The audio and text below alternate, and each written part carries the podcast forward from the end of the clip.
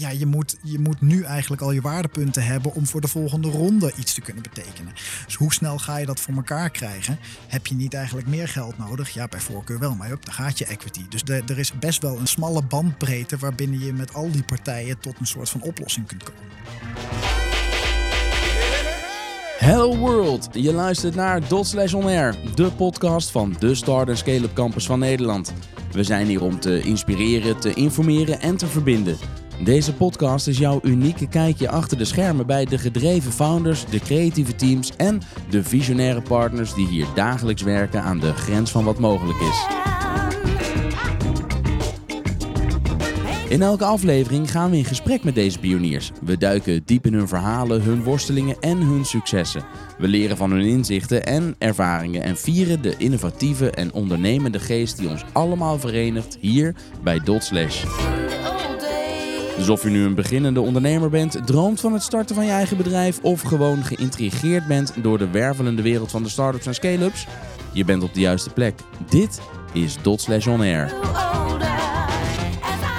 Ja, en uh, vandaag in deze aflevering van Dot Slash On Air uh, twee Dot Slashers, twee founders tegenover ons. En we zijn hier met z'n vieren aan tafel. Ik ben Jelle Drijver, Community Manager bij Dot Slash. Rechts van mij zit, nou vertel het zelf even. The ever quiet Tabitha. Ja, dus zo stil. De, ja. de, precies, de dame met een microfoon die ze ja, eigenlijk bijna nooit gebruikt. Maar hij is er wel. Tabitha, jij gaat hier een waanzinnig mooi artikel over schrijven voor in ons nieuwe Dot Slash magazine. We nemen het ook op als podcast voor Dot Slash On Air. Uh, maar Tabitha, als sidekick hou je niet in. Hè? Als jij vragen wil stellen, uh, verdiepende vragen. Ik ben vraag van, uh, vaak van de hoog over, weinig zeggende en zo. Dus ja, ik, ik doe wel een beroep op jou voor de inhoud. Oké. Okay. Ja? Yes. Oké, okay, top. tegenover mij Casper van Onwine en Teun van VDA. Ik ga jullie vragen om jullie zelf even voor te stellen, maar we hebben iets bijzonders bij deze aflevering. Casper, jij hebt iets meegenomen. Zeker, ja. Nee, ik dacht, uh, het is eigenlijk wel leuk. Uh, het past natuurlijk bij ons bedrijf om een, uh, om een wijntje mee te nemen. Ehm, dus ik zal mezelf eerst even voorstellen. Ik ben Casper van Online, een van de co-founders. samen met Gijs hebben we Online gestart, twee jaar geleden, tweeënhalf jaar geleden. Um, ja, wat het eigenlijk is, is een platform waarbij je direct uh, bij de wijnboer wijn kan kopen. Het zijn allemaal kleine wijnboeren, op dit moment uh, door heel Italië. En uh, ja, de plannen zijn om dit jaar uit te breiden naar andere landen. Dus vandaar dacht ik, dan, dan neem ik een lekker Italiaans wijntje mee. En van een van de, de wijnboeren op het platform die het ja, eigenlijk aardig doet. Dit is een van jouw hardlopers, is dit? Dit is een van de hardlopers, zeker, ja. ja. Het is een, een, een witte wijn, een mooie gele, diepgele kleur heeft hij. Hij komt uit de Marken, vertelde je net. Ja, klopt. Ja? Welke druif is het? Dit is de Verdicchio. Dit ja. is echt uh, de, de, de, witte wijn uit, uit die regio. Uh, die staat daar bekend om. Een hele frisse, fruitige witte wijn. Ja, is wezenlijk anders dan de Verdecchio, hè, die we ook wel kennen. Ja, ja, nee, dat is nog wel het leuke. Dus daar, gaan, uh, er zijn nog af en toe wat, wat twijfels over of het nou dezelfde druif is of, of niet. volgens mij, volgens het laatste onderzoek, is dat het wel afstammelingen zijn van dezelfde oorspronkelijke druif.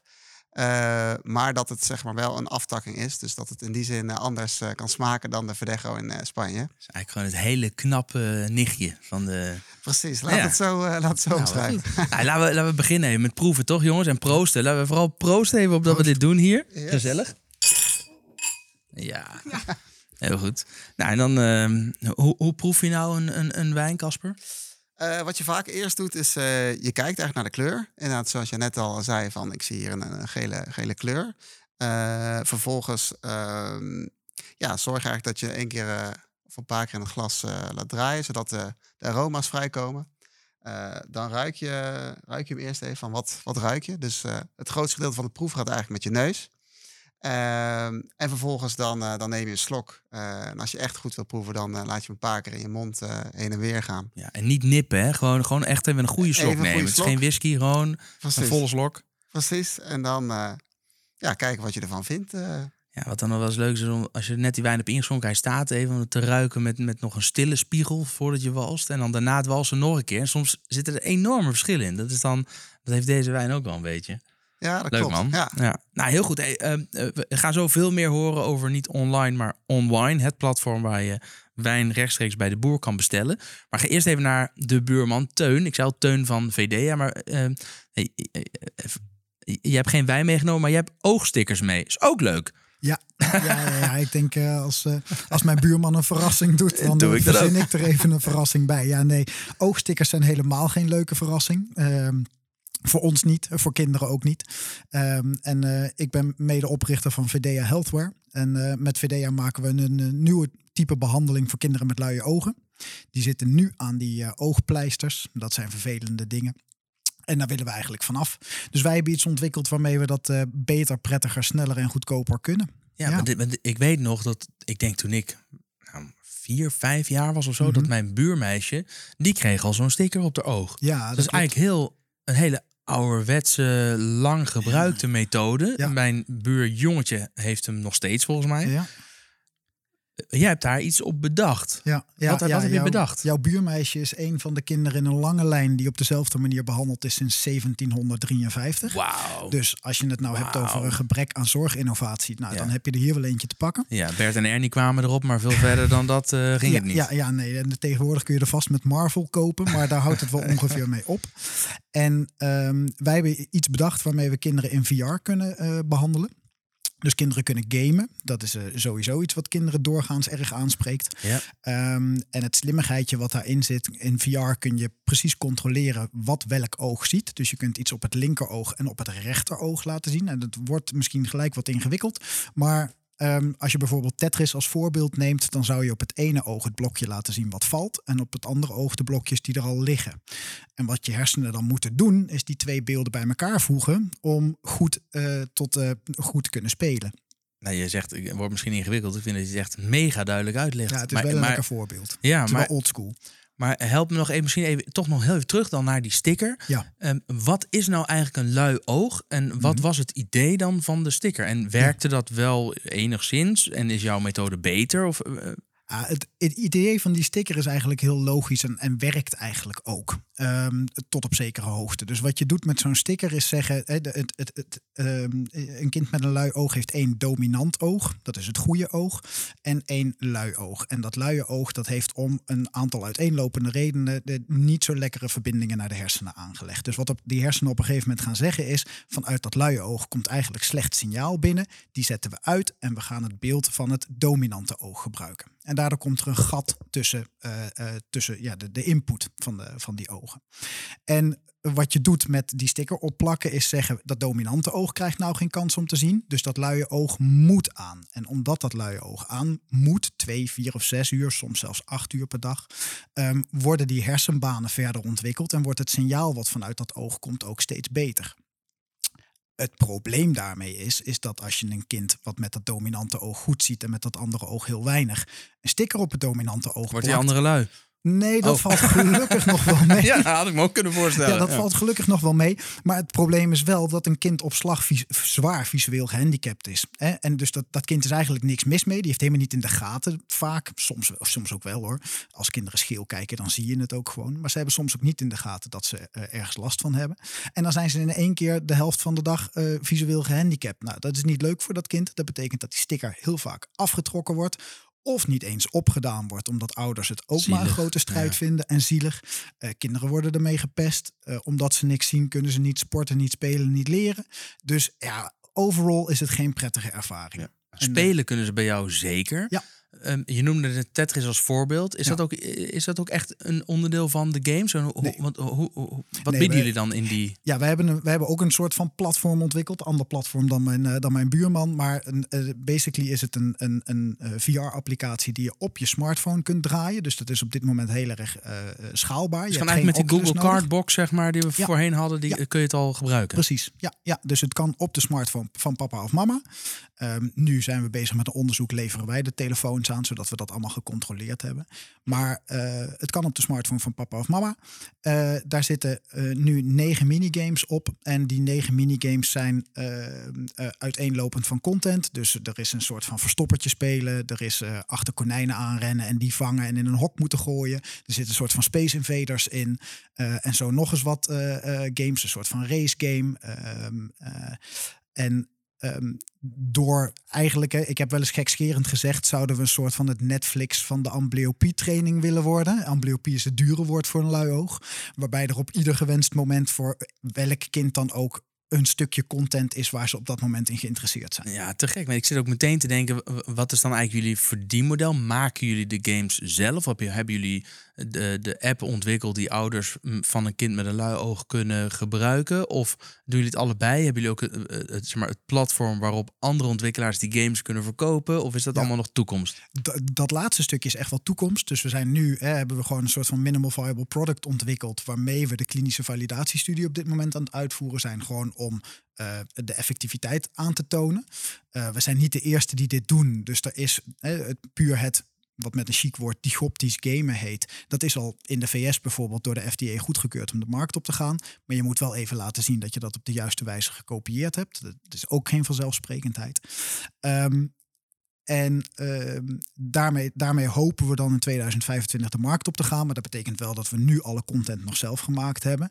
Maar als wij hard op dag dromen, dan denken we wel... ja, er zijn natuurlijk al van allerlei platforms met van allerlei content. Noem een Scoola, verzin het maar.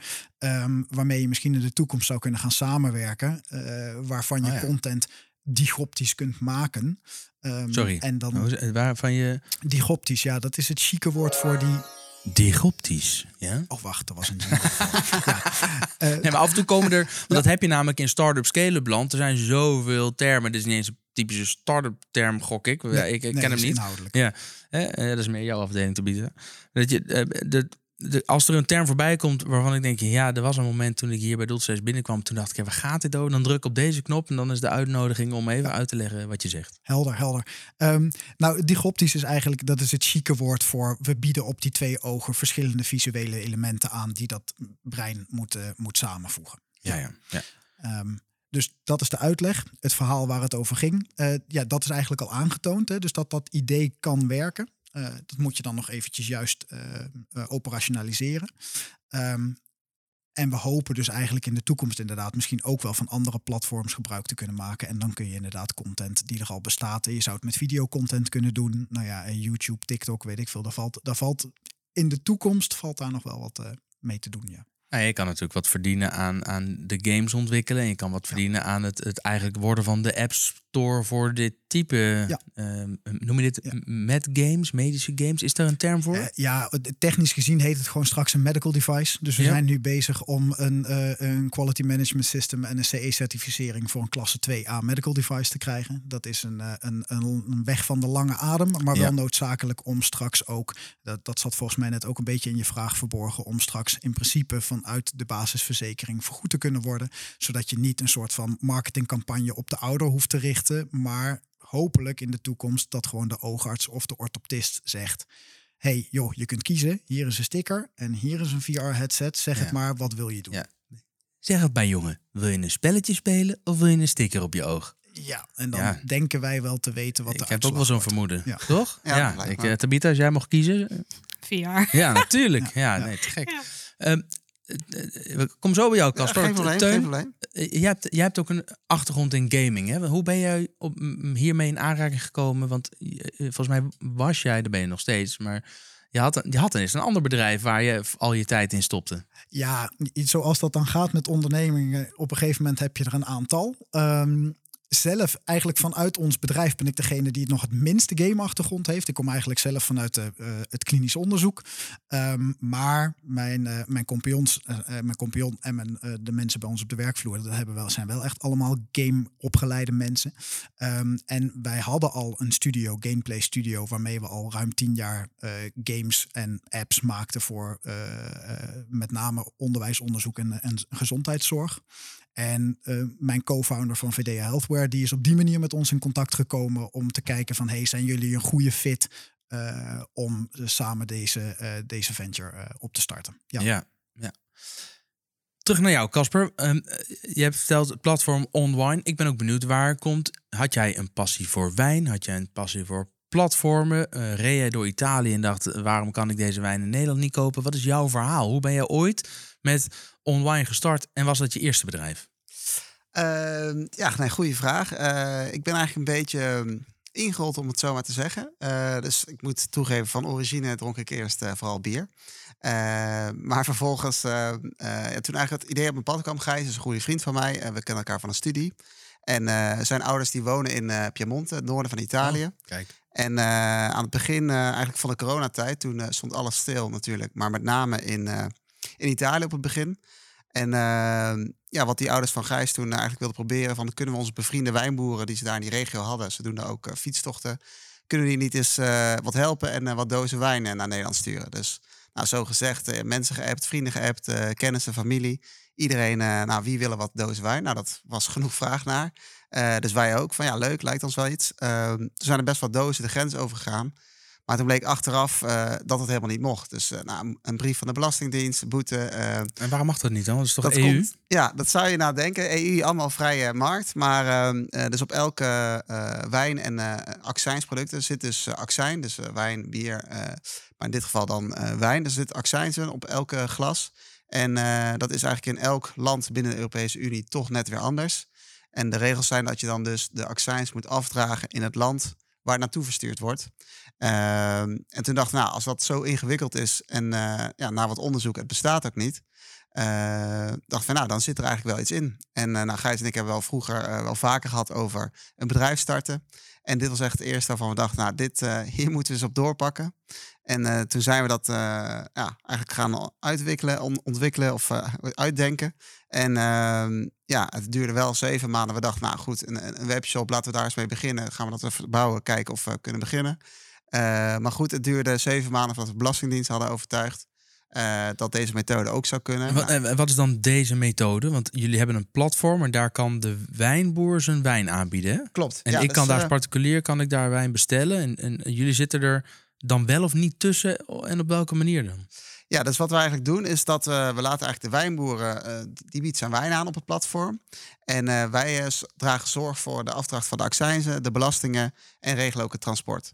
Dus eigenlijk de wijnboer die, eh, nou, die, die biedt zijn, zijn producten aan, vraagt er een prijs voor die hij ervoor wil hebben. Mag hij zelf weten? Be- Ja. Bemoei jij je niet mee? Nee, dus we hebben eigenlijk een standaard formule voor elke wijnboer bedacht. We willen gewoon alles gelijk houden. En, eh, ehm, zodat eigenlijk de wijnboer zelf bepaalt, ik wil deze prijs op het platform aanbieden.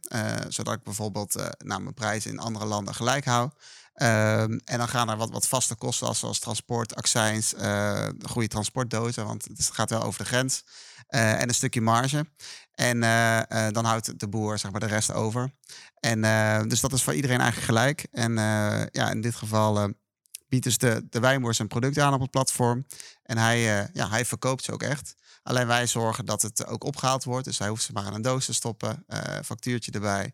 En eh, eh, we laten het eh, transportbedrijf die doos ophalen en dan wordt het naar Nederland verstuurd. En, en what's in it for on wine? Wat, hoe rekenen jullie af? Waar, wat is jullie verdienmodel? Ja, dus ons verdienmodel zit een, een stukje op de commissie op de, op de verkopen en een, een gedeelte dat de wijnboeren ook betalen om op het platform te staan. We zijn hier wel bezig om te kijken van houden we dat ook nog steeds of laten we dat misschien schieten. Omdat je hebt natuurlijk wel verschil tussen verschillende wijnboeren. Dus sommige die eh, zijn zo klein, dus die verkopen ook nauwelijks. Terwijl andere best een stukje groter zijn, dus een grotere markt hebben.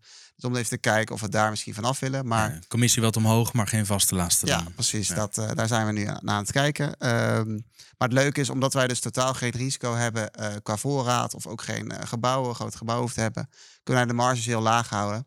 En waardoor het voor de eindklant, maar zeker ook voor de wijnboer, meer overblijft. Eh, ja, zo dus eigenlijk een win-win eh, creëren. Behalve Ja. voor de importeurs.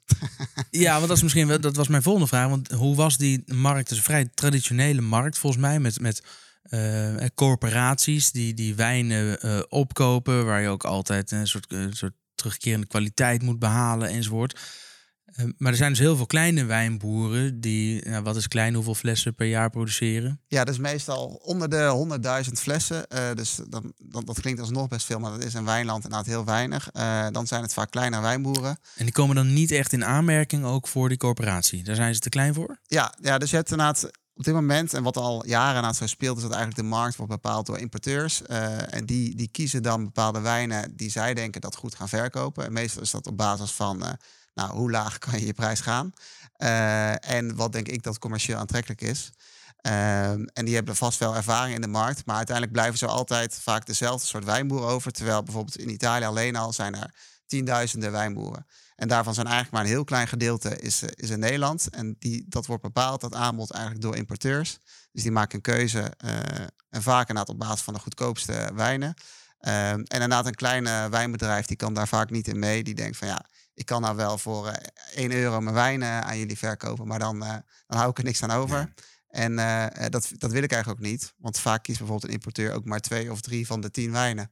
Hmm. Eh, dus dan zit de wijn maar met die andere wijn ook nog Ja. eens. Maar hij zegt, ik kan me voor 1 euro, is dat een, een realistisch... ehm, ehm, eh, eh, komt dat ergens vandaan of is het als voorbeeld? Want nou, ik ben wel... het een beetje ik- als voorbeeld, maar ik, ik, ik ken al eh, eh, best veel wijnen. eh, als ik kijk van waarvan de grote importeurs bij sommige wijnhuizen inderdaad inkopen. Eh, dan zie je inderdaad wel eens op zo'n lijst terug van voor een euro of 80 cent eh, dat ze zo'n wijn hebben gekocht. Ehm, ja, dan denk ik vaak, eh, ja, zit daar dan eh, hoeveel passie en kwaliteit zit er dan in, in zo'n product? Ja, plus de, de fles alleen kost al... Ja. Wat is het? Nee, precies. Dus je betaalt al voor de fles alleen al. En eh, ehm, ja, wat je dan eigenlijk voor zorgt, is dat eigenlijk alle wijnen een beetje hetzelfde gaan smaken. Want het moet altijd standaard hetzelfde smaken voor een vaste prijs. Eh, dus dan is eigenlijk al het, de passie, de kwaliteit is er een beetje uit. Dus, eh, het mooie van jouw model is dus eigenlijk dat je enerzijds die, die wijnboer helpt om een, een, een betere, eerlijkere prijs voor zijn wijn te krijgen. En je helpt Tabita en mij en Teun en alle andere mensen in Nederland met ons om wijn te kunnen kopen die je anders niet zou kunnen kopen, omdat een corporatie hem anders links laat liggen. Klopt, ja. Nee, dat is inderdaad het, eh, het idee. Dus eh, om inderdaad zo'n, eh, zoveel mogelijk leuke wijnboeren kwaliteitsproducten op de markt te brengen. Ehm, en eigenlijk die boeren eigenlijk een soort platform bieden inderdaad om internationaal te kunnen afzetten. En daarbij inderdaad leuke wijnen voor de consument aan te kunnen bieden. Terwijl hij inderdaad een, een eh, betere prijs ervoor eh, krijgt. En jullie zijn op een gegeven moment eh, begonnen dus met, met eigenlijk met z'n tweeën. Jullie wilden een bedrijf, maar wisten nog niet zo goed wat. En Ja. eigenlijk bij toeval, na het enthousiasme van jullie friends en family uit Nederland, zijn jullie flessen wijn gaan verschepen. Toen kwamen er wat hobbels, de fiscus, die hebben jullie op een gegeven moment kunnen tackelen. Toen zijn jullie online begonnen. Hoe lang bestaan jullie nu? Ja, toen zijn we dus uiteindelijk in februari 2021 gelanceerd. Dus dan zijn we nu ongeveer ja, 2,5 jaar onderweg. En eh, ja, toen zijn we inderdaad begonnen eh, met een aantal wijnboeren. eh, ja, bevriende wijnboeren eigenlijk uit het noorden van Italië, dus uit Piemonte. Kennen ze van de ouders van? Ja, precies. De kennis inderdaad van de ouders van. Eh, Valpolicella, Ripasso komt daar die hoek. Hè? dat komt uit Veneto. Dat is weer net een Oh. andere regio. maar ook het noorden van Italië. Maar de andere kant, het noorden van Italië. Maar uit, uit Piemonte komt bijvoorbeeld de Barolo's en de, de Nebbiolo's. De, wat dat betreft, eh, de Barbaresco's. Ook wel bekende. Eh, Geen straf om daar te Geen straf om daar te Nee. beginnen, zeker niet. Je begint en dan kom je erachter dat er hobbels op de weg zijn. Ehm, er zijn ook mensen die zeggen, oh, laat maar gaan, de fiscus eh, eh, later. Hoe heb jij je laten adviseren als startende, beginnende jonge ondernemer? Ehm, ja, dat is eigenlijk wel grappig. Dus we waren eh, in het begin dus ook nog met een andere vriend erbij. En ehm, ja, toen zijn we het eigenlijk gewoon gaan doen. En eh, toen kwamen we later achter van eh, eh, dat de Belastingdienst ja, zo werkt het eigenlijk niet. Of zo hebben we het nog nooit gezien. En toen op een gegeven moment toen kwamen ze zelf met van, ja, ik snap wel dat jullie dit goed willen oplossen. Dus misschien moeten we een wetsvoorstel, een wetswijziging indienen. Dacht nou, op zich hebben we dan al iets bereikt, maar dat, dat duurt voor ons te lang. En toen ja, hebben we eigenlijk ons eh, zelf een beetje ingelezen. En toen dachten we, oké, wat als we een constructie bedenken met nog een ander bedrijf in Italië, kunnen we dan, kunnen we dan van start? En dat bleek inderdaad eh, later te kunnen. Dus eigenlijk in dit geval, we hebben wel met mensen gesproken, maar toch een beetje zelf proberen van, kunnen we het op deze manier? Maar het klinkt ook alsof je met, eh, met, ben je nou met de fiscus in gesprek gegaan? Ja, ja. Dat, kan, dus eh, gewoon. Dat kan dus wel. Eh, het gaat niet altijd even makkelijk, maar in deze moet ik zeggen, als je op een gegeven moment toch de juiste personen te pakken hebt en de, de intentie is goed, Ja. wat in dit geval zeker is. Dus we willen natuurlijk zorgen dat het goed gaat, dat accijns wordt afgedragen.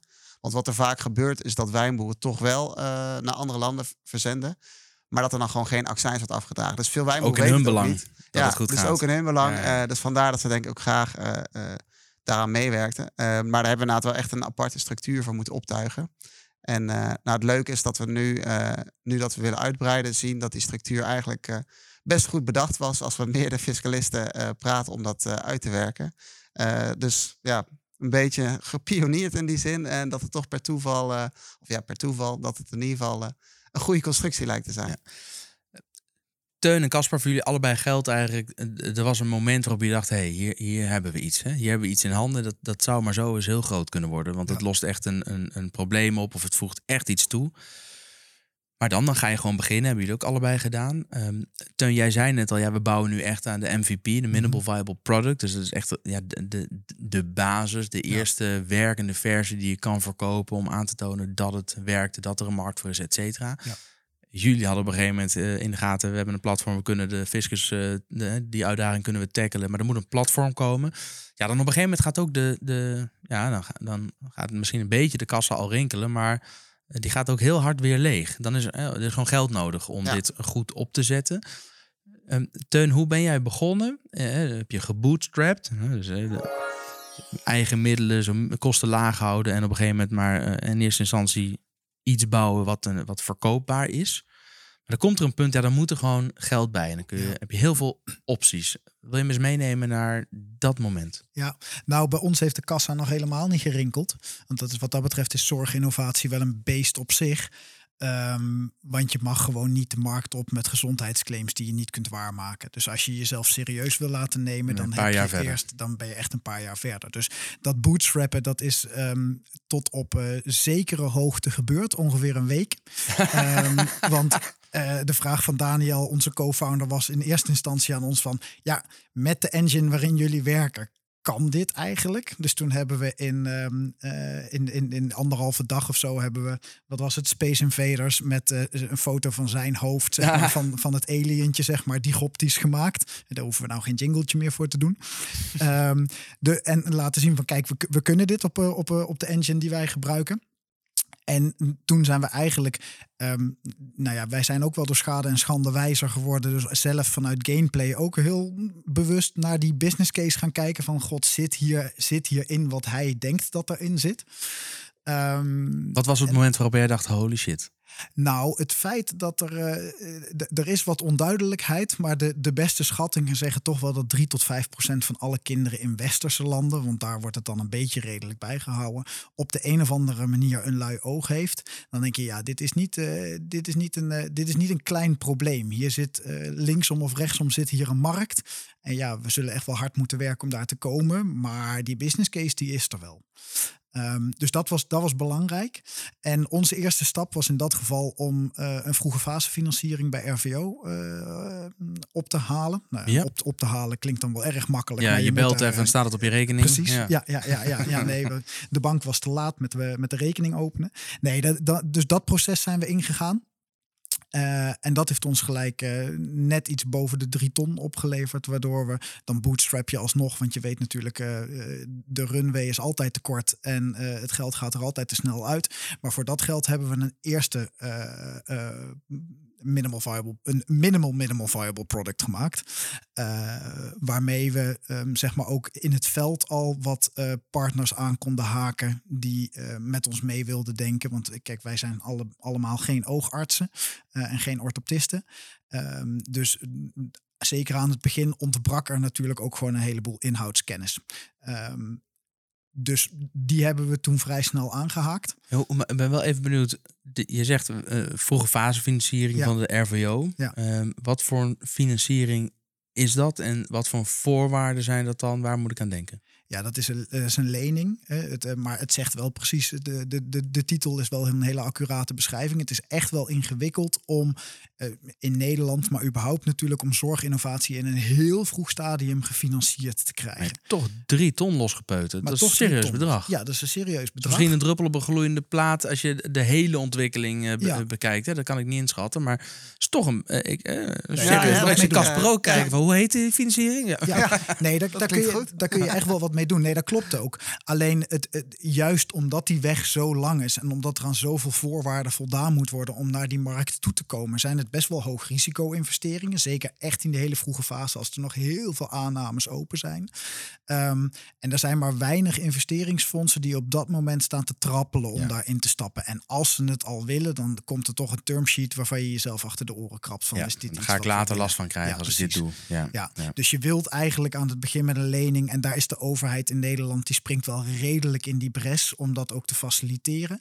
Ehm, dus ja, ja, dan komt er een, een lening waar, waar op zich niet een, eh, daar staat geen mals rentepercentage tegenover. Dus Kun je ook delen? Daar, eh, dat zou ik op zich wel willen, maar ik heb het eerlijk gezegd niet scherp. Maar om en bij is het eh 4,5 of is het eerder 11,5? Nee, het zit daartussen. Oké. Ja, ja.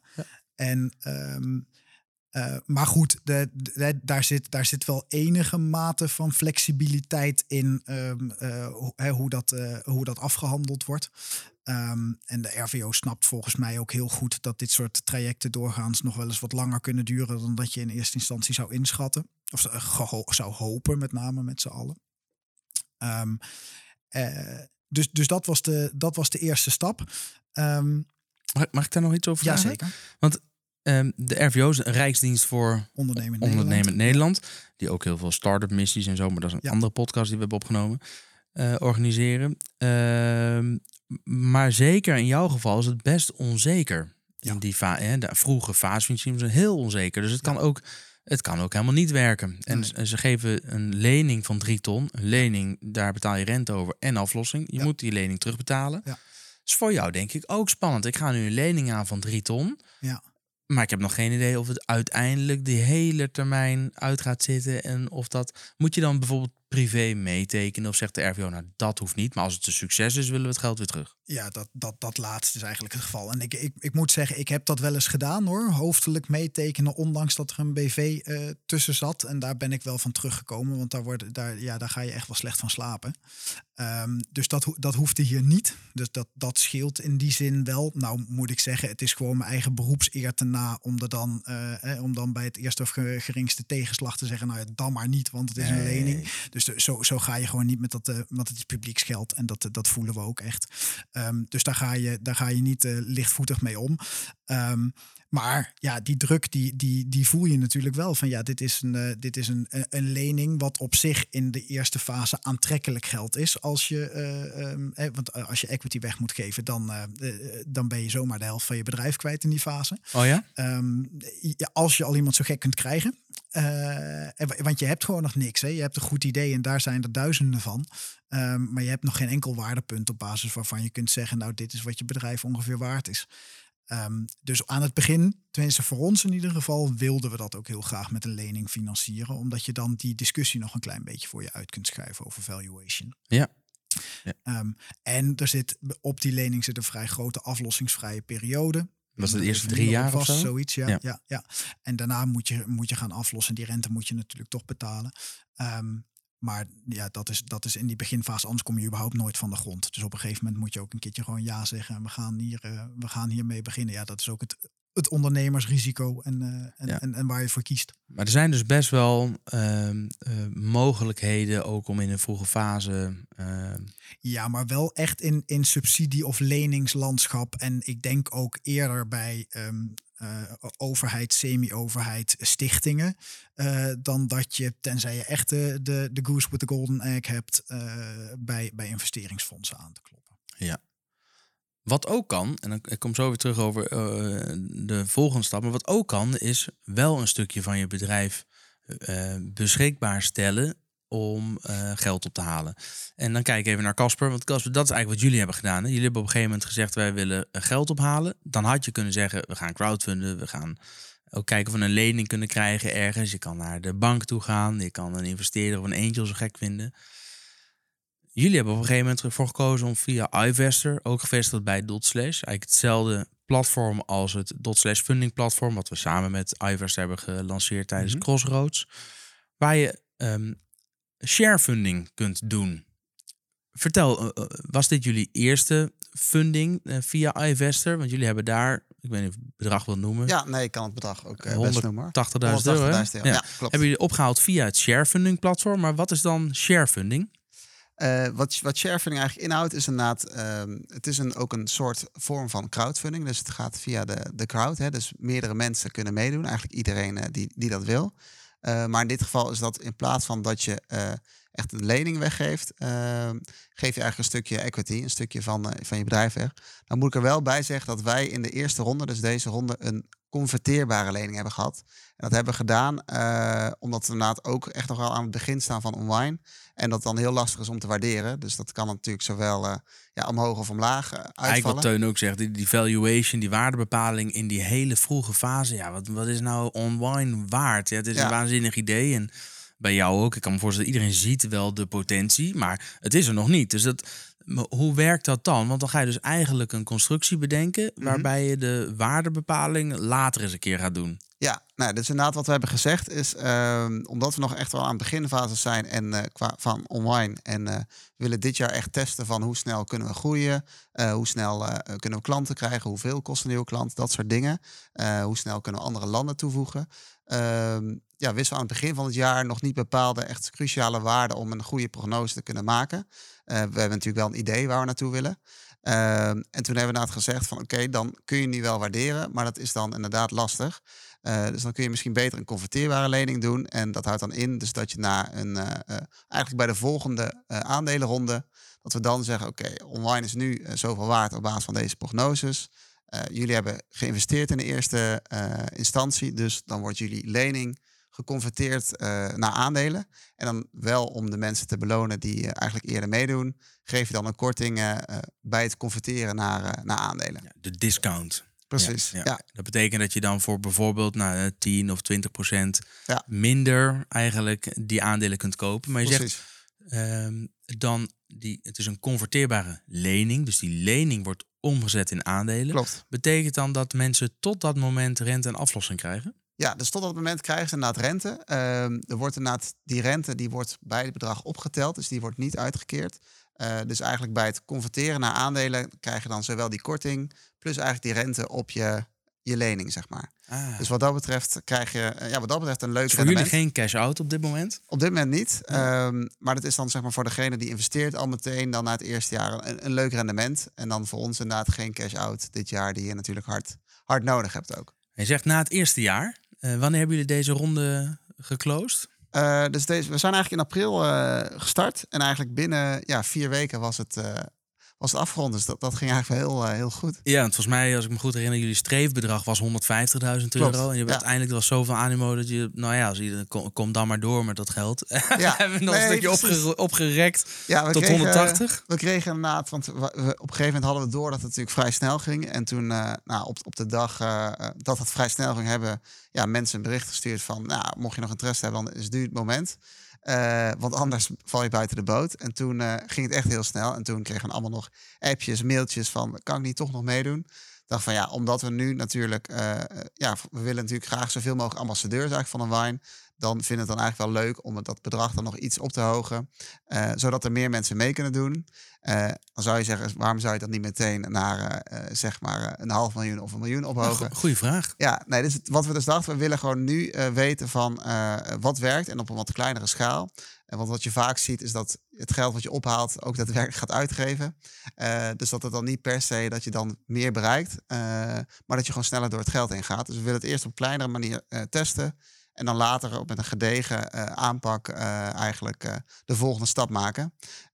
Om zowel eigenlijk ja, de investeerders als misschien ook onszelf in bescherming te nemen. Om niet te hard van stapel te lopen. Ja, ja ik was een van de mensen die naast de boot piste. En dat, ja, ik was te laat, want ik zag het voorbij komen. dacht ik, hey, leuke wijn en Italiaanse wijnen. eh, eh, gek op Italiaanse wijnen. Dus, maar ik, ik was te laat, maar je kan ook al instappen vanaf. Vanaf eh, 250 euro. eh, ja, ja, dus, dus het klinkt als, eh, als investeerder, dat klinkt meteen heel groot. Maar eigenlijk doordat je vanaf 250 euro mee kan doen, kan je ook meteen je friends, family en fools, al die mensen die toen de tijd al zeiden, ik wil wel een doosje toen jullie door de marken reden, Ja. hè, die kun je dan ja, mee laten eh, doen. Eh, eh, mensen hier op de campus hebben meegedaan. Ik weet bij Blue Current hebben ook via iVester geld opgehaald. Klopt. Ook Ja. heel veel mensen die hier op de campus zitten hebben ook gedacht, oh leuk, die gasten ken ik, die kom ik tegen op de borrels en de events en ik zie hoe ze groeien. Dat, dat, dat gaat als een raket.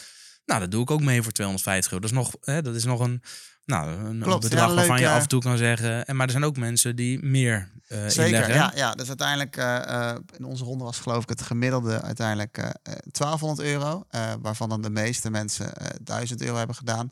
Maar inderdaad, iedereen eh, vanaf 250 kan je meedoen. En er zijn inderdaad wat grotere. Ja. eh, Dat betekent wel dat je dus een, een, een, en niet, je gaat een deel van je bedrijf wel, hè, want je geeft, het is equity. Je wordt echt dan uiteindelijk, als je converteert, gewoon Ja. echt aandeelhouder Klopt. in, nou niet zozeer in online, maar in een corporatie of een stak, een ehm, stichting administratiekantoor. Dus Klopt. en hoe hebben jullie dan bepaald welk percentage van je bedrijf je onder gaat brengen eh, bi- binnen zo'n eh, sharefunding campagne, zodat mensen daar aandelen van kunnen kopen? Nou, dat is, dus dat, is wat we eigenlijk deze ronde dan nog niet hebben gedaan. Is dan inderdaad dat percentage daaraan toebedelen. Ja, maar je, je ga- je dus- kijkt wel vooruit, denk ik toch? Want je kan, je kan niet zeggen, nou ja, kom allemaal maar door en dan... eh, eh, Nee, eh, nee, natuurlijk. Dus je kijkt wel vooruit. maar op dit moment hebben die stak ook nog niet opgericht. Dus is het zo van, oké, hoeveel ben je nou op dit moment waard? Nou, dat, dat moment, dat, dat stel je dan iets uit.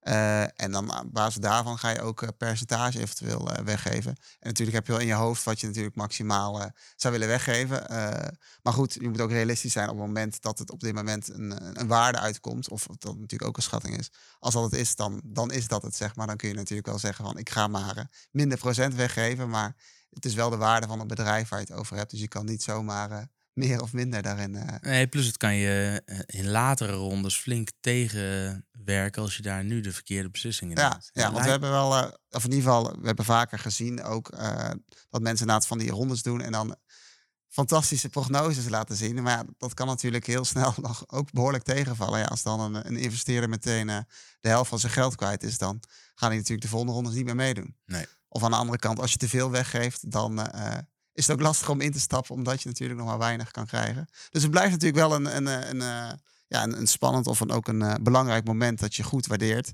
En dat, ja, daar hebben we dan ook voor gekozen om dat dan uit te stellen. Teun, je volgende investering. Je hebt Ja. dus eerst bij de RVO deze vroege fase lening mogen krijgen van drie ton. Ja. Ehm, eh, wat was de stap daarna? Wat, waar heb je die drie ton bijvoorbeeld aan besteed? Ja, kijk, het, het, de, de, het makken met software development tot op zekere hoogte is dat je best wel wat expertise nodig hebt om tot een minimal viable product te komen. Er moest een stuk platformkant gebouwd worden, dus er moet een stuk database. En je gaat natuurlijk over gezondheidsdata communiceren, dus dat moet allemaal up to par zijn. Dus daar, eh, onze andere founding father is eh, US Media uit Amsterdam. Eh, die hebben daar heel veel ervaring mee. Maar ja, je hebt daar een x aantal developers zitten die gewoon hun frontend en backend eh, kennis hebben. Want er moet een interface komen met, eh, ehm, eh, voor, de, voor de ouders hè, om, een, om een, account aan te maken. Ze kunnen aan de achterkant zien ook wat kinderen gespeeld hebben en hoeveel. En daar komen rapportages uit. Ehm, Had ik me helemaal nog niet gerealiseerd joh, dat dat er ook in zat. Denk je, Ja. je zet zo'n ding op en dan ga je trainen en dat is al te gek. Maar je, Ja. je, gaat dus ook, je brengt ook in kaart wat de progressies die Ja. gemaakt ja, wordt. kijk, en, en dat is nu nog heel erg rudimentair. Ehm, idealiter willen we straks ehm, eh, misschien ook. Hè, er zijn tools die oogmetingen met de mobiel kunnen doen. Ehm daar zijn er een aantal ook goed van gevalideerd. Eh, wie weet zouden we die kunnen gaan integreren. En dan kun je misschien ook daar nog een stukje bij de zorg weghalen. Maar dat moet dan ook natuurlijk weer passen binnen waar de zorg naartoe gaat. Nou, dat is, wat, dat is nog best wel een ingewikkelde discussie. Eh, maar dan hebben ouders in ieder geval inzicht in het gebruik van de app. Ehm, dus daar is een stuk platformkant voor. Dan is er natuurlijk een stuk gamekant die eh, geruisloos moet lopen. Ehm, waar zowel de game content als de onboarding goed voor gedaan moet worden. Nou ja, daar zit aan onze kant zit die- natuurlijk development, design en art eh, bij. Dus daar heb je al drie expertises. Ja, die drie ton is zo op, is eigenlijk wat je zegt. Ja. Of het einde komt in zicht, de runway eh, eh, die loopt op zijn einde, zoals Ja. we het noemen. Ik zie, ik zit dan niet in, dan loop ik uit mijn geld. Ehm, en dan heb je een nieuwe investeerder nodig. Ja. En toen ben je eerst met de Rabobank.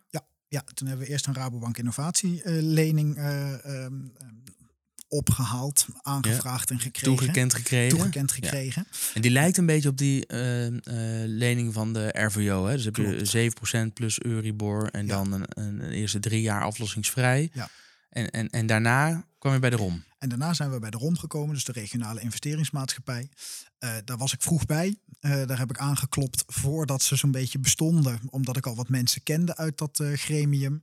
Ehm, gezegd, goh, als er hier zo meteen een fonds online komt, dan heb ik wel een leuke propositie volgens mij. Nou, toen hadden ze, toen, ik weet niet eens of dat ze toen al scherp hadden dat ze een POC, een- een pro- proof of concept en een eh, participatiefonds zouden gaan doen. Eh, maar in ieder geval kwamen we toen bij het proof of concept fonds, wat heel logisch is, want we moesten echt dat nog wel proeven. Eh, en die zeggen dan, god, wij, wij hebben deze mogelijkheden en dat doen we altijd gematcht. Dus er moet een, een business angel of een ander fonds bij komen. Ja, dus dat betekent dat ze, ze, ze investeren niet alleen. Nee. Je- dus je moet Nee. ook nog een andere investeerder zo gek zien te vinden of enthousiast zien te krijgen om. Ook een deel te doen. En gaat dat dan 50-50 of zo? Eh, da- daar valt over te praten. In ons geval is dat 50-50 Ja. gegaan. En ik snap dat ook wel, want eh, zij willen graag natuurlijk ook een fonds wat uit de markt komt, wat zijn eigen safeguards en mechanismes heeft om een business case te checken, daarbij hebben. ehm, om, om die kansen, of dat risico natuurlijk ook gewoon een beetje te delen. En een, een, een, een partij die het werk als investeerder voor zijn rekening neemt. Precies. Ja, ja, ja, dat doen zij natuurlijk ook. Hè. Zij hebben ook veel due diligence gedaan eh, ehm, op hun gebied. Maar zeker bij ons is er, is er een, een business angel eh, bijgekomen die ook een achtergrond in de oogheelkunde heeft. Ehm, dus die heeft daar ook nog wel een netwerk waar we, ehm, eh, waar we zo af en toe gebruik van kunnen maken. En misschien in een later stadium nog meer. Dus dat is, dat is tot nu toe is dat een, een goede samenwerking. Ja, maar dan komt ook het punt dat, want die proof of concept fonds met Ja. een andere angel erbij, dan komt ook het punt dat je wel ook een deel van je bedrijf moet gaan Klopt. ja, weggeven, beschikbaar stellen in ruil voor die investering. Ja. En dat is een lastig spelletje. Dat lijkt mij ook, ja. Ja. Want hoe gaat dat? Ja, kijk, je- hebt natuurlijk zelf al in een vroeger stadium, maar dan opnieuw, ehm oeverloos Excelletjes door zitten ploegen om projecties te kunnen maken over als we naar de markt gaan. Hè, daar hadden we het net nog eventjes over. Ja, dat kan goed in 2025 pas zijn. En dat was toen dus nog een jaar of drie weg. Ehm, eh, wat kun je dan van de markt verwachten? En je hebt daar een, een, pessimistisch, een realistisch, wat je dan zelf realistisch noemt, en een optimistisch scenario in. Ehm, en zeker bij ons, omdat het verdienmodel in principe is, we willen in de basisverzekering. Is het best wel, eh, mag je dan ook verwachten dat in één keer alle oogartsen van Nederland gaan zeggen: doe maar dit, Ja. dan gaat het in één keer best wel hard. Ik denk dat al die kinderen zeggen, doe maar dit. En alle ouders zeggen, doe maar dit. Ja, maar ja, ben je dan realistisch of ben je dan heel optimistisch aan het nadenken? Eh, en daar krijg je dan toch maar mondjesmaat de vinger achter. Ja. Is goed, je hebt dat dan op een gegeven moment toch eh, eh, met voor's en tegens en mitsen en maren heb je wat, eh, wat uitgevogeld. En dat leg je dan bij de investeerder neer en die, die zeggen dan, nou, er kan misschien nog wel een beetje vanaf, hè? Ja. En dan zeg je, nou, dat denk ik niet. En dan, nee, en dan nee, heb nee, je, dat dan, dan moet je met, ja, Ja. dan moet je met elkaar in discussie. En hoe lang heeft dit al met al geduurd vanaf het eerste contact tot uiteindelijk closen? Ja, ik, wij hebben uiteindelijk net voor de kerst van 2022 kunnen closen. En ik geloof dat wij ehm, officieel met elkaar ergens in april zijn gaan praten. Wauw. Ja, dus dan ben je toch wel. En er zit natuurlijk zit daar dan weer een zomervakantie tussen, waar je zomaar zes, zeven ja. weken overslaat met z'n Maar allen. je bent zo drie kwart jaar verder. Maar je bent zo drie kwart jaar verder. Dus- Vanaf dus- eerste kennismaking naar, eh, naar gesloten deal. Ja. En Dus- dat, eh, daar ben je voor gewaarschuwd en dat valt dan nog tegen. Ja, ja precies. Dus start-ups, scale-ups die nu luisteren, of start-ups in dit geval. Ja, begin. Eh, ja, als je dus de, die RVO en of de Rabo ja, je moet lening al hebt, door. moet je Ja. eigenlijk meteen alweer Ja. gaan kijken naar die runway. ehm, Ja, ja je, hebt, eh, je hebt één dag om te vieren. En dat bedoelt dus bijna Dat mag ook. bij de sport. Ja, precies. Ja, maar en morgen door. gaat de knop naar de volgende wedstrijd. En dat is ergens wel. Er zijn natuurlijk ook grotere investeringen. Hè, en dan hoef je niet gelijk over de volgende dag na te denken. Ehm, en ook, met, ook in deze ronde was dat best wel een gesprek van als je zoveel geld wil ophalen. En je runway is dan maar x maanden of x jaar. Dan zit je alweer heel snel aan het punt van ja, je moet, je moet nu eigenlijk al je waardepunten hebben om voor de volgende ronde iets te kunnen betekenen. Dus hoe snel ga je dat voor elkaar krijgen? Heb je niet eigenlijk meer geld nodig? Ja, bij voorkeur wel, maar op, daar gaat je equity. Dus dat, dat is de, er is best wel een smal, smalle bandbreedte waarbinnen je met al die partijen tot een soort van oplossing kunt komen. Had je al vaker met dit bijltje gehakt? Was dit je eerste keer? Of heb je dit al wel vaker gedaan? Waarderingen, investeerders? De- Ik heb het, ik heb het één keer eerder gedaan. Eh, tenminste, ik heb het één keer echt uitgevoerd, zeg maar. En eer of dat deze deal natuurlijk tot, tot stand kwam, heb je al met eh, wel wat aantal meer fondsen. Wij bevonden ons in ieder geval niet in de luxe dat het bij de eerste keer raak was. Dus we hadden al wel wat van dit soort sparringsdingetjes gedaan. Maar echt die termsheet helemaal uit onderhandelen en dan eh, tot op achter de komma zeg maar alles eh, voor elkaar moeten krijgen. Dat was de eerste keer. En daar, eh, en daar hebben we veel zelf in gedaan. Ook wel wat, eh, je komt er als start-up altijd vrij snel achter dat er overal consultants voor zijn Ja, die op de ja. een of andere manier Graantje heel veel geld kosten. Ja. Ja, ja. Ehm, Ja. Dus je kunt, je kunt je geld ook heel snel uitgeven. Maar ja, je kunt je geld ook maar één keer uitgeven. Ehm, dus ja, wij hebben ook wel geprobeerd om onszelf zo goed mogelijk te onderrichten. En bijvoorbeeld de, de onderhandelingen, voor zover als dat je het onderhandelingen kon noemen, ehm, zelf te doen. En dat met, met, hè, met, met ruggespraak van eh, externe experts te doen. Eh, Heb je, heb je in, ook toevallig nog eh, met Deloitte gesproken? Eh, een van de partners van Dot Slash? Nee, Oh, dat is Nee, nou, als je nee, nou weer de ronde volgende gaat doen, is dat ja. misschien best interessant. Nou, morgen even bellen. Ja, nou, we brengen je met alle liefde in contact. Daar zijn we voor. Wat, eh, wat, wat heb je opgehaald? Welk bedrag? Eh, ik weet eigenlijk niet of dat we daarover, eh, of, of dat Oh. Ja, dat ook weet ik ook niet. kijk van de, van de RVO, dat is volgens mij allemaal openbare kennis.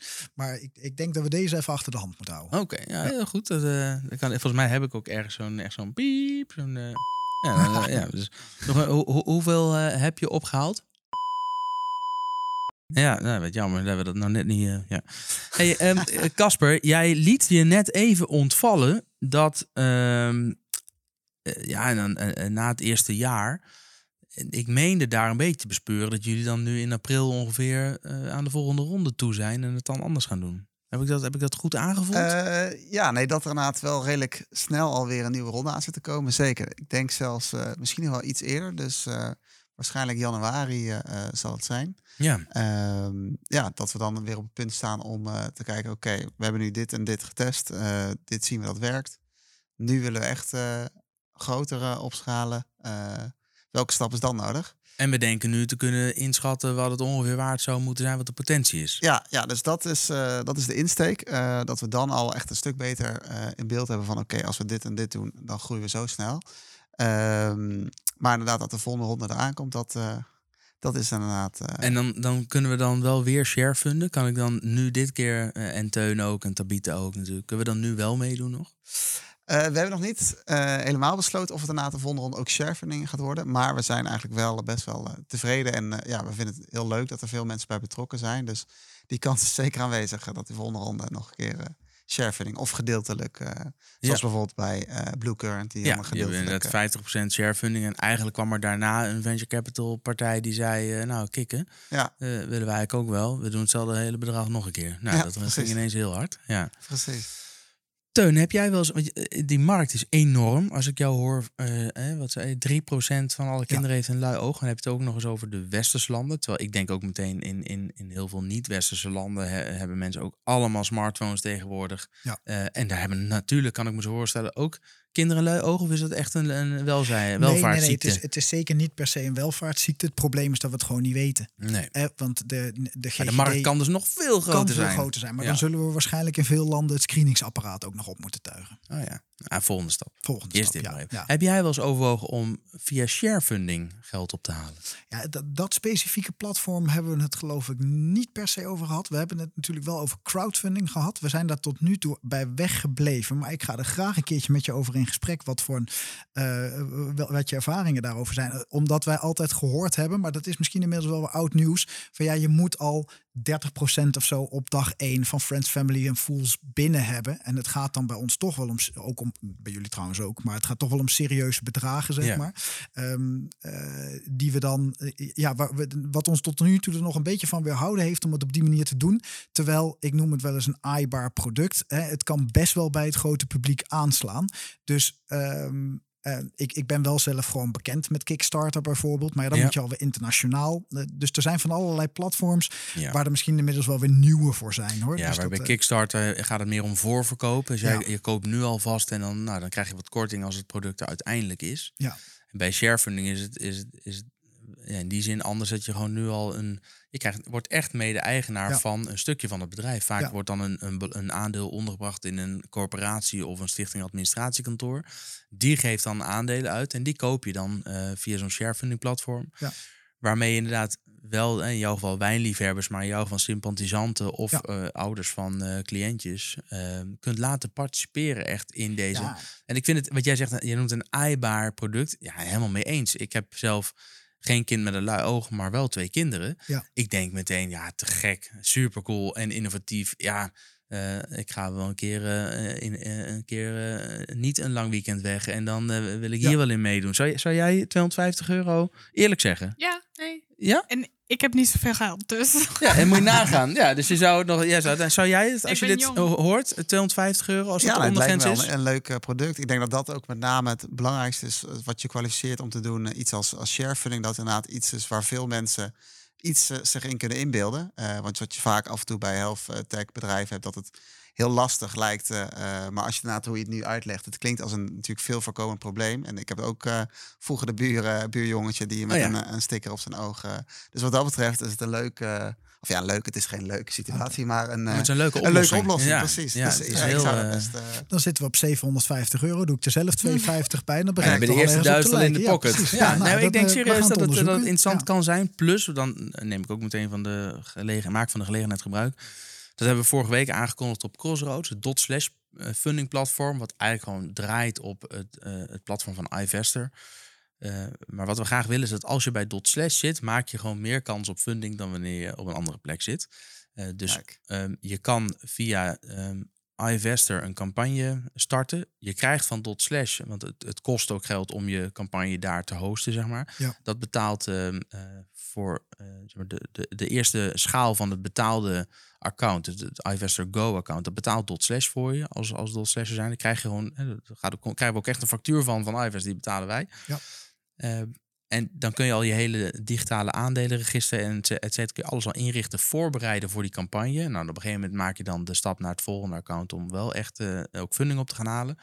De Rabobank kijkt vanaf dag 1 mee en adviseert ook en gaat ook al, daar gaan ze niet, ze wilden niet op voorhand zeggen, wij gaan dat bij alle bedrijven doen, snap ik Mhm. ook wel. Ja. Maar ze kijken wel mee op voorhand van, nou oké, wat jij gaat doen Teun, als jij dit voor elkaar krijgt en je gaat ongeveer dat bedrag ophalen en dat lukt, dat is ook een graadmeter in hoeveel mensen erin geloven, et cetera. Ja. Dan willen wij daar wellicht ook nog wel een stuk depth tegenover zetten. Dus dat Ja. scheelt dan weer in je, hoef je weer minder equity weg te geven. Ja, ja, ja. En we mogen van Deloitte, iedereen die zo'n campagne eh, gaat doen, ehm, een, een voucher van ongeveer 1000 euro geven om ook bij Deloitte gewoon advies in te winnen. En dat, nou, die 1000 euro, dat hangt een beetje vanaf welke afdeling bij Deloitte. Dat kan heel snel op zijn.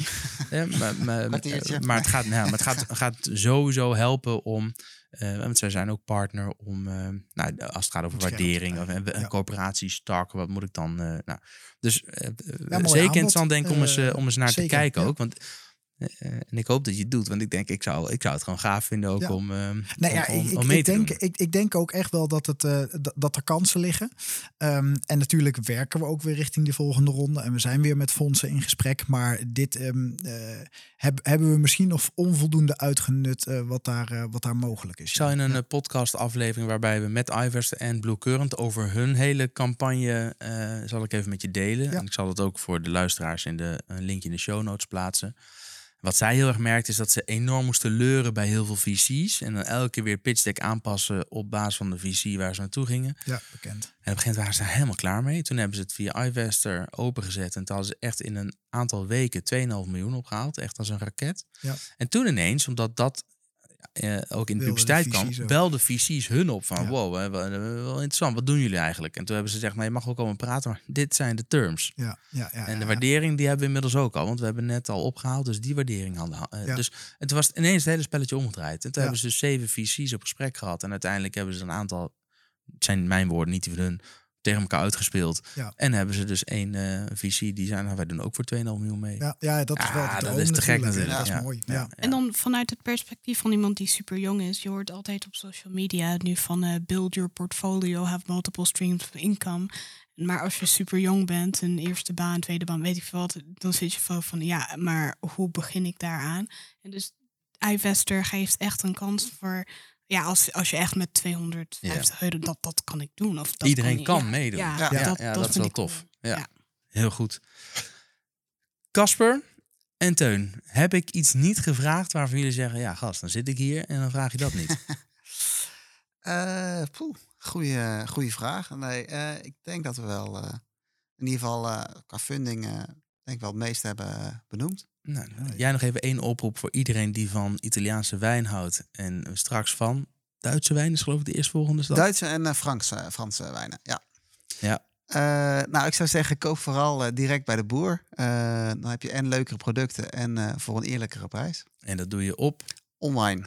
punt on-wine.com. on-wine.com. Heel goed. Ja, precies. Ik zou zeggen e-mailadressen en eh, zodat de VC's zich kunnen inschrijven op de volgende ronde. Dus Zeg, die, eh, eh, slinger hem er maar Ja. in. ja hoor. Teun.aalbers.vdea, V-E-D-E-A.nl. Heel Daar goed. mag het naartoe. Heel goed. Ik eh, dank jullie enorm voor jullie komst en voor het eh, beschikbaar stellen van jullie tijd om met mij en met Tabita in gesprek te gaan. En met elkaar voor deze aflevering van dot slash onair. Teun en Casper, dank jullie wel. Dankjewel. Graag gedaan. Ja, dat is het dan voor deze aflevering van Dot Slash On Air. We hopen dat je genoten hebt van dit gesprek en dat je wegloopt met nieuwe inzichten en inspiratie. Deze podcast werd mede mogelijk gemaakt door Dot Slash Utrecht met mijzelf, Jelle Drijver, achter het roer van de productie. De muzikale magie die je hebt gehoord komt van Kitchen Collective. Check het hele album via de link in de show notes. Wil je geen enkele aflevering missen? Abonneer je dan vooral even op Dot Slash On Air via Spotify, Apple Podcasts of je favoriete andere player. Een review op Apple Podcasts of een aanbeveling op de socials wordt enorm gewaardeerd. Daarmee help je ons om nog meer mensen te bereiken.